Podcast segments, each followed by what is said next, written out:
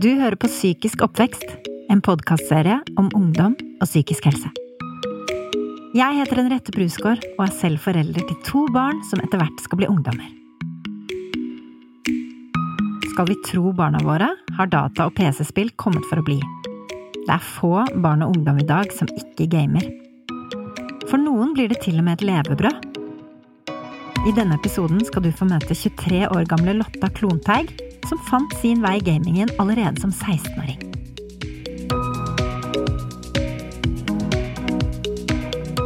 Jeg spiller Counter-Strike Global Offensive eh, profesjonelt på et jentelag.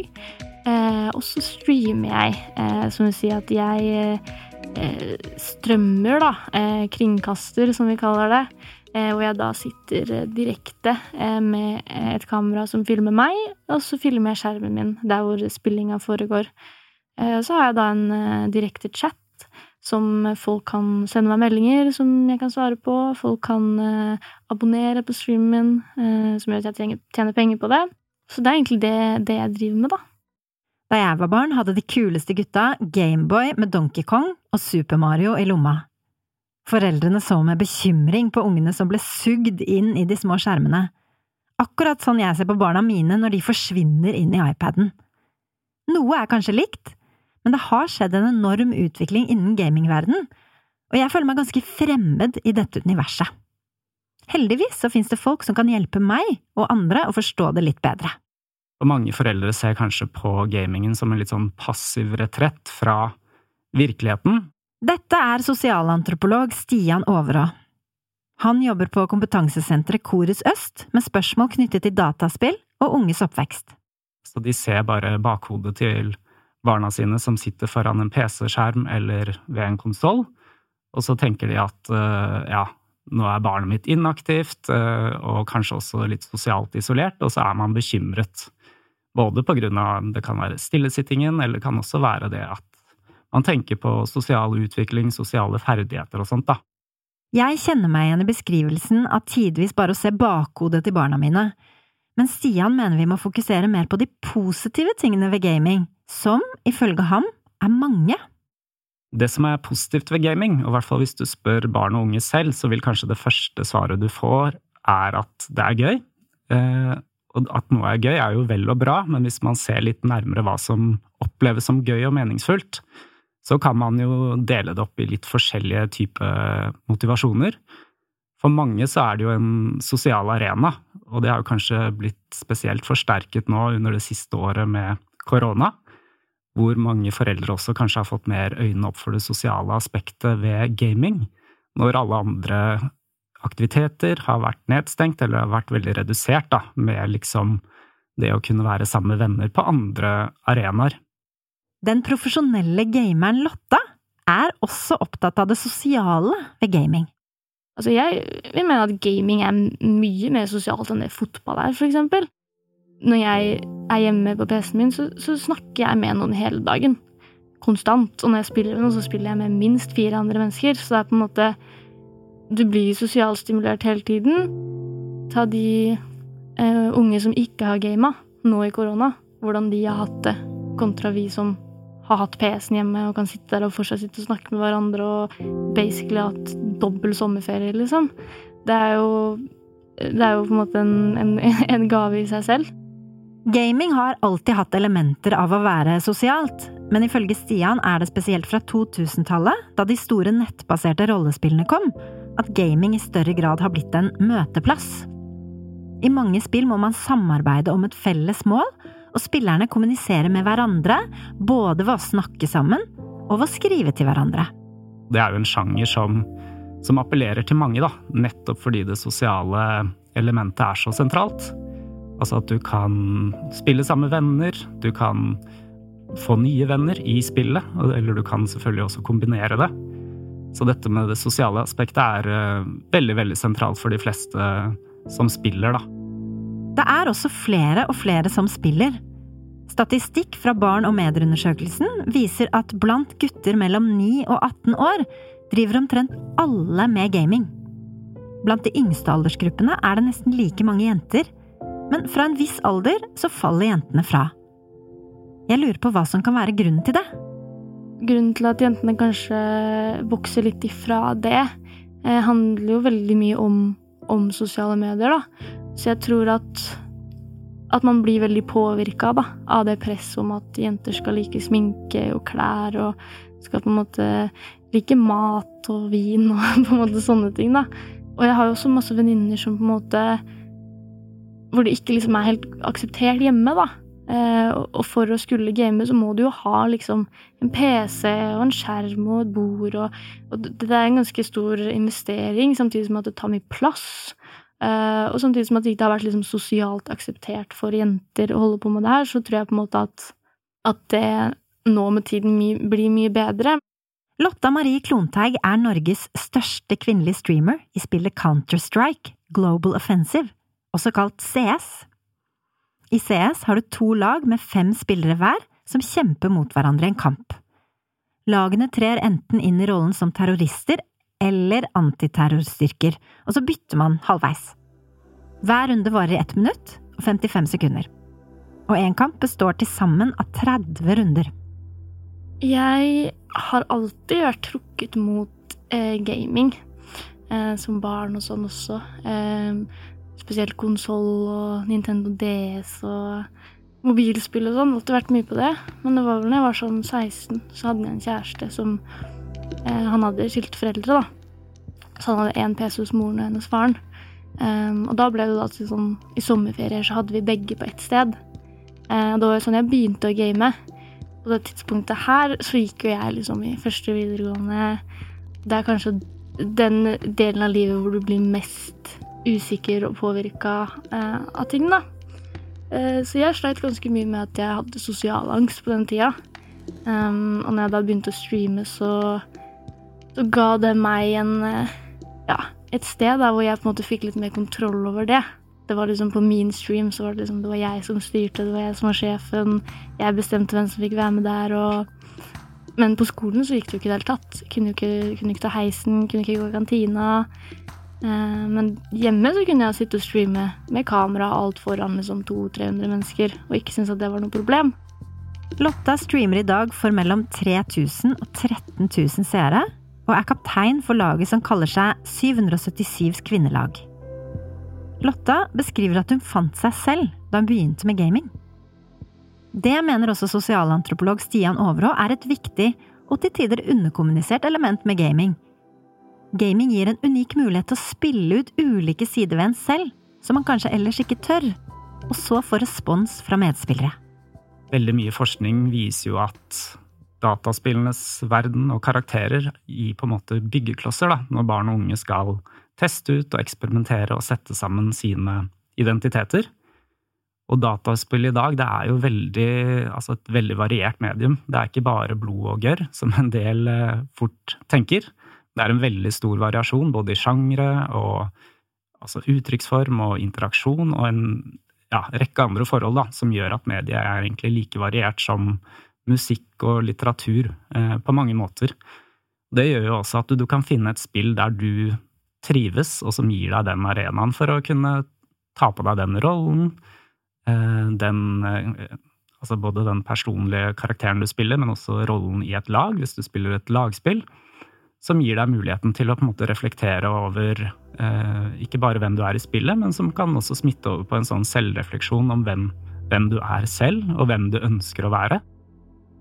Mange barn og unge i dag har en gjennomorganisert hverdag med skole og fritidsaktiviteter. Da kan gaming være en avslappende timeout fra virkeligheten og en voksenfri sone. Det holder deg på en måte distrahert, men samtidig ikke, ikke, en, ikke nødvendigvis som en flukt fra problemer, annet enn at du bare får det ut på noe annet. På samme måte som at folk trener, da. Eh, jeg gikk jo på håndball for eksempel, i åtte år, men slutta med det og begynte å game istedenfor. Fordi at der noen kanskje ville ta seg en joggetur for å cleare hodet, på en måte, så kunne jeg ta meg en kamp, da. Og så er det på en måte Det er jo utrolig mye mestringsfølelse og, og gode signalstoffer som kommer ut av å få til ting. Um, og spesielt med gaming, så på en måte kan du alltid bli bedre. Så det, liksom, det er alltid en sånn oppoverkurve. Det går aldri liksom nedover. Og det tror jeg, for et barn som på en måte ikke føler at de får til så mye, da, som sliter litt eh, Ja, ikke nødvendigvis sliter med skolen pga. skolearbeidet, men sliter med å føle seg vel på skolen. Den følelsen av at 'å nei, jeg får det ikke til', 'å nei', og så gå i, i grunn og i grunn. Um, det er jo ikke bra for noen, på en måte. Så jeg tror det var der det var liksom Måtte få til noe, da. Men i tillegg til å virke avstressende, så viser faktisk forskning at gaming styrker kognitive ferdigheter, som å holde fokus, være konsentrert, snartenkt og god til å koordinere handlinger. Der er det en del voksne som blir litt overrasket over at det spesielt er action- og skytespillene, da. Som kanskje har den eh, Ja, som krever disse ferdighetene, og derfor også oppøver de. Så derfor er det altså noen kampanjer i dag, f.eks. fra Manpower sin side, som oppfordrer barn og unge til å i hvert fall vurdere å sette gaming på CV-en sin, på lik linje med andre verv eller erfaringer de har, da. Så eksempel hvis du har spilt mye World of Warcraft eller et annet rollespill, så har du kanskje masse relevant erfaring med tanke på å kommunisere med andre spillere. Kanskje du har vært leder for et, eh, et guild eller en klan i spillet, som gjør at du er vant til å koordinere arbeidsoppgaver, som åpenbart kan være nyttig da, i ulike sektorer. Det er åpenbart mange positive ting med gaming som jeg ikke har reflektert så mye over, men det betyr jo ikke at man ikke bør være kritisk i det hele tatt. Hva med for eksempel aldersgrenser? Hvordan skal vi som foreldre egentlig forholde oss til det? Det er jo ikke en naturlov at eh, det er 18-årsgrense på et gitt spill, men jeg tenker hvis du som forelder skal gi det spillet til et barn som er yngre, så er det i hvert fall en god ting å sette seg litt inn i hva spillet går ut på. Kanskje også spille det sammen med barna. For vi ser jo fra statistikk at det er veldig mange helt ned i niårsalderen, spesielt for gutter, som har spilt ulike spill med 18-årsgrense, da. Og det kan være ganske ja, grovt innhold, både sånn med tanke på vold og sex og ulike elementer. Eh, det kan også være elementer av gambling i spillene, og i hvert fall eh, mekanismer i spillene som oppfordrer til pengebruk, da. Så da er det selvfølgelig også viktig for foreldrene å, å vite om det, og gjerne også sette opp noen ja, altså brukerkontoer da, for barna, som kanskje gjør at det begrenser mulighetene for å ta kontakt med ukjente spillere eh, når de spiller online, eller begrensninger med tanke på, på kjøp, da. Vi har hørt eksempler om, om spillere som har brukt titusener av kroner på virtuelle ting i spill, uten at foreldrene deres vet om det, før, eh, før de får en utskrift av, eh, av bankkortet sitt. da. Sosialantropolog Stian ber også foreldre være oppmerksomme på at det foregår faktisk en del trakassering på nett. Det kan også være andre, altså kjipere hendelser, altså hvor de blir utsatt for trakassering. Altså du har jo enkelte spill, eh, spesielt de kompetitive, online-baserte, ja, hvor miljøet tidvis er ganske brutalt, da. Sånn at hvis du ikke ja, presterer godt nok i spillet, så kan du få en skikkelig skyllebøtte, liksom, hvis du sitter med headset og kommuniserer med de andre spillerne. Lotta Klonteig kan bekrefte at tonen kan være hard i gamingverdenen, som i resten av livet på internettet. Særlig som jente har hun opplevd mye hat. Gamingmiljøet er jo litt eh, komplisert. Det er jo på en måte veldig mange forskjellige deler av det, da. Som på samme måte som du ville få en ungdomsskole, for eksempel. Du har jo forskjellige grupper og, og sånne ting, men samtidig så, så, stiller alle likt. Så jeg vil vel si at, at, det er et veldig inkluderende miljø. Men samtidig så kan det også være et veldig eh, et miljø som også kan ikke inkludere en viss type mennesker. Eh, har en del fordommer og ytringer og, et av de problemene som på en måte du møter mest på, det er jo det her med seksualisering av jenter. Eh, og at eh, ord som blir brukt, og ikke nødvendigvis bare jenter heller, da, da, går det også på liksom eh, rasisme og homofobi og sånne ting. Men, men, spesielt det med jenter, da. Hva er det man får mest av? Det er liksom hore. Sånn, du er en hore, liksom. Og så er det mye kommentarer på utseende. Og det er jo mye stygt språk og sånne ting. Det som også er greia, er at det er jo ikke før nå de siste åra at det har blitt såpass stort og allment da, som det er nå. Det er veldig vanskelig å regulere og gjøre et miljø bedre som egentlig ikke folk vet at fins. Og her er Lotta inne på noe. Et miljø folk ikke har visst at finnes. Barn og unge i dag har generelt et tettere forhold til foreldrene sine, men ett sted er det fremdeles en tydelig kløft.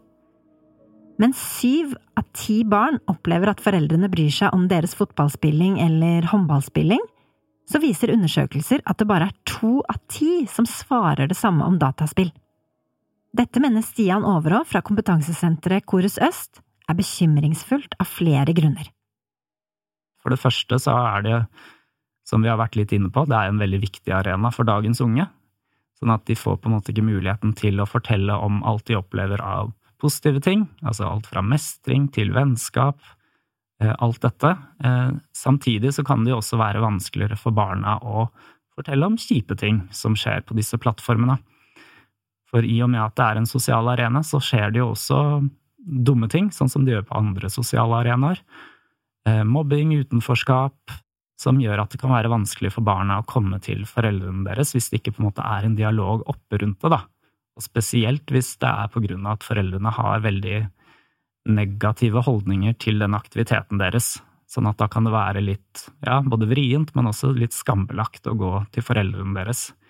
Da frykter de kanskje at de vil miste tilgjengeligheten på enten spillet eller på mobiltelefonen, og at de kanskje vil bli møtt av en litt sånn hva var det jeg sa-holdning, da, fra eh, foreldrene. Jeg tror nok at jeg skulle ønske når jeg begynte å game, mamma visste litt mer hva det var, og, og var litt mer interessert, og at jeg hadde følt at jeg kunne komme til hun med ting som skjedde på nettet. Um, fordi at det som er veldig bra med gaming, er jo at, at man kan finne en plass og, og, føle seg bra et sted og bli godtatt og akseptert og, og sånne ting, men samtidig så er det jo også veldig tabubelagt og veldig vanskelig å på en måte skulle prate om det.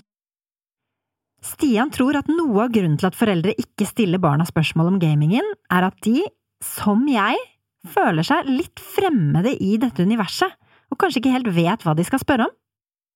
Det tenker jeg også er helt greit, for da får barna muligheten til å på en måte skinne og vise at på, dette, på denne arenaen så er det de som er eksperter. Det kan også være en veldig fin posisjon for barna å komme i, da. For ofte er det jo på en måte de som skal opplæres, eh, mens foreldrene og andre voksenpersoner er de som lærer bort, da. Så det kan også være en veldig fin eh, opplevelse for mange barn å liksom fortelle at jo, jo, jeg spilte Minecraft, og det går ut på det og det, og i dag så bygde jeg eh, et slott sammen med de andre jeg spilte med, ikke sant? Så langt har vi snakket mest om positive sider ved gaming. Spillingen gir mer enn den tar. Men som foreldre blir man jo likevel litt bekymra for at spillingen har tatt overhånd. Dataspillavhengighet har riktignok blitt anerkjent som en formell diagnose de siste årene, men det gjelder kun en liten prosentandel, kun 0,5 til 2-3% Likevel er det ifølge Stian nyttig å sette noen rammer for spillingen. Som forelder så bør man jo absolutt eh, tenke og se litt på hva slags eh, plass spillingen har i barnets liv. Eh, søvn er jo et veldig viktig eh, tema, og vi ser også fra undersøkelser at det er en god del både gutter og jenter som svarer at bruken av enten sosiale medier eller gaming går utover nattesøvnen deres. Og selvfølgelig, en helg eller et par dager i en ferie, så kan jo det være greit, men det er klart, hvis det blir et mønster over tid, så er det jo absolutt grunnlag for å, å regulere, da. Men det er jo ikke dermed sagt at det er en eh, avhengighet. Eh, altså, jeg tenker det er mange holdeplasser før avhengighet hvor det er grunnlag for å gå inn og, og regulere, da. Men hvis man har bekymringer eh, som forelder knyttet til barnas spilling, så er det jo også mulig å ta kontakt for eksempel med, med hjelpelinjen, hvor man kan enten ringe eller chatte eller skrive mail, eh, rett og slett bare for å få noen tips da, om, om alle disse tingene, sånn at man ikke står eh, alene og skulle gjøre den vurderingen. Stian Overå mener et nyttig tips til foreldre er å være lydhøre overfor barna og åpne opp for en dialog rundt skjermbruken hjemme. Da tror jeg man også kommer lenger som forelder hvis du er åpen for å få litt innspill på din skjermbruk, som om samtalen bare skal handle om å regulere ned på barnas gaming, da. Så kanskje det går an å ha eh, ja, en åpen dialog, rett og slett, om eh, ja, hva er dine ønsker om, eh, om gamingen, ikke sant? Hvor mye Eller ja, bør det være sånn at du kommer hjem fra skolen og alltid gjør lekser først, eller skal vi gjøre det sånn og sånn? Kanskje det skal være ekstra spilltid i helgen og i ferier. Kanskje det kan være en liten belønning at hvis man følger disse ja, litt sånn overordnede rammene, så kanskje man kan få eh, ja, ekstra spilltid i neste uke, videre, da. For vi ser i dag, så er det jo ganske mange barn og unge som sier at de ikke har noen rammer og regler for, for skjermbruk. En god del svarer også at de selv synes at de bruker for mye tid på gaming og, og skjerm, så det kan jo også være tolkes da, som et slags behov for å få litt mer forutsigbarhet inn. For er det noe spillene er laget for, så er det jo å lokke oss til dem og få oss til å bli værende i dem. Så det er, en, det er veldig krevende for barn å skulle regulere det selv. De lærde strides om i hvilken grad man bør sette grenser for ungdommenes skjermtid. Men det er liten tvil om at det er viktig at vi som voksne setter oss mer inn i barnas nett- og spillbruk. Da kan vi som foreldre bedre forstå hva som skjer på skjermen. Stadig flere voksne anerkjenner at gaming har kommet for å bli, og det har bidratt til å gjøre gamerbegrepet litt mindre belastet. Gamer eh, har på en måte blitt en sosial identitet som mange trykker til brystet og er stolt av, og som ikke like grad underkommuniseres som kanskje for ja, ti år eller lengre tilbake, da. Det er også ganske fascinerende å se at en del av de diskusjonene som går på spill i dag, de finner man eh, om andre teknologier, andre medier som har vært før, da. Så det er også litt interessant at kultur og samfunn bruker ofte litt tid før de klarer å inkorporere eh, nye ting da, til å bli stuerent. Men nå syns jeg det er på tide at, eh, at gamingen også, også blir det, da. Det er viktig at at unge føler at de kan komme til foreldre med absolutt alt. Man forstår seg ikke på noe man ikke forstår seg på, og man forstår seg ikke på noe man ikke vil forstå. Um, selv om på en måte det er litt Selv om det er nytt og skummelt og sånne ting, så, så er det veldig mye man ikke får vite, da.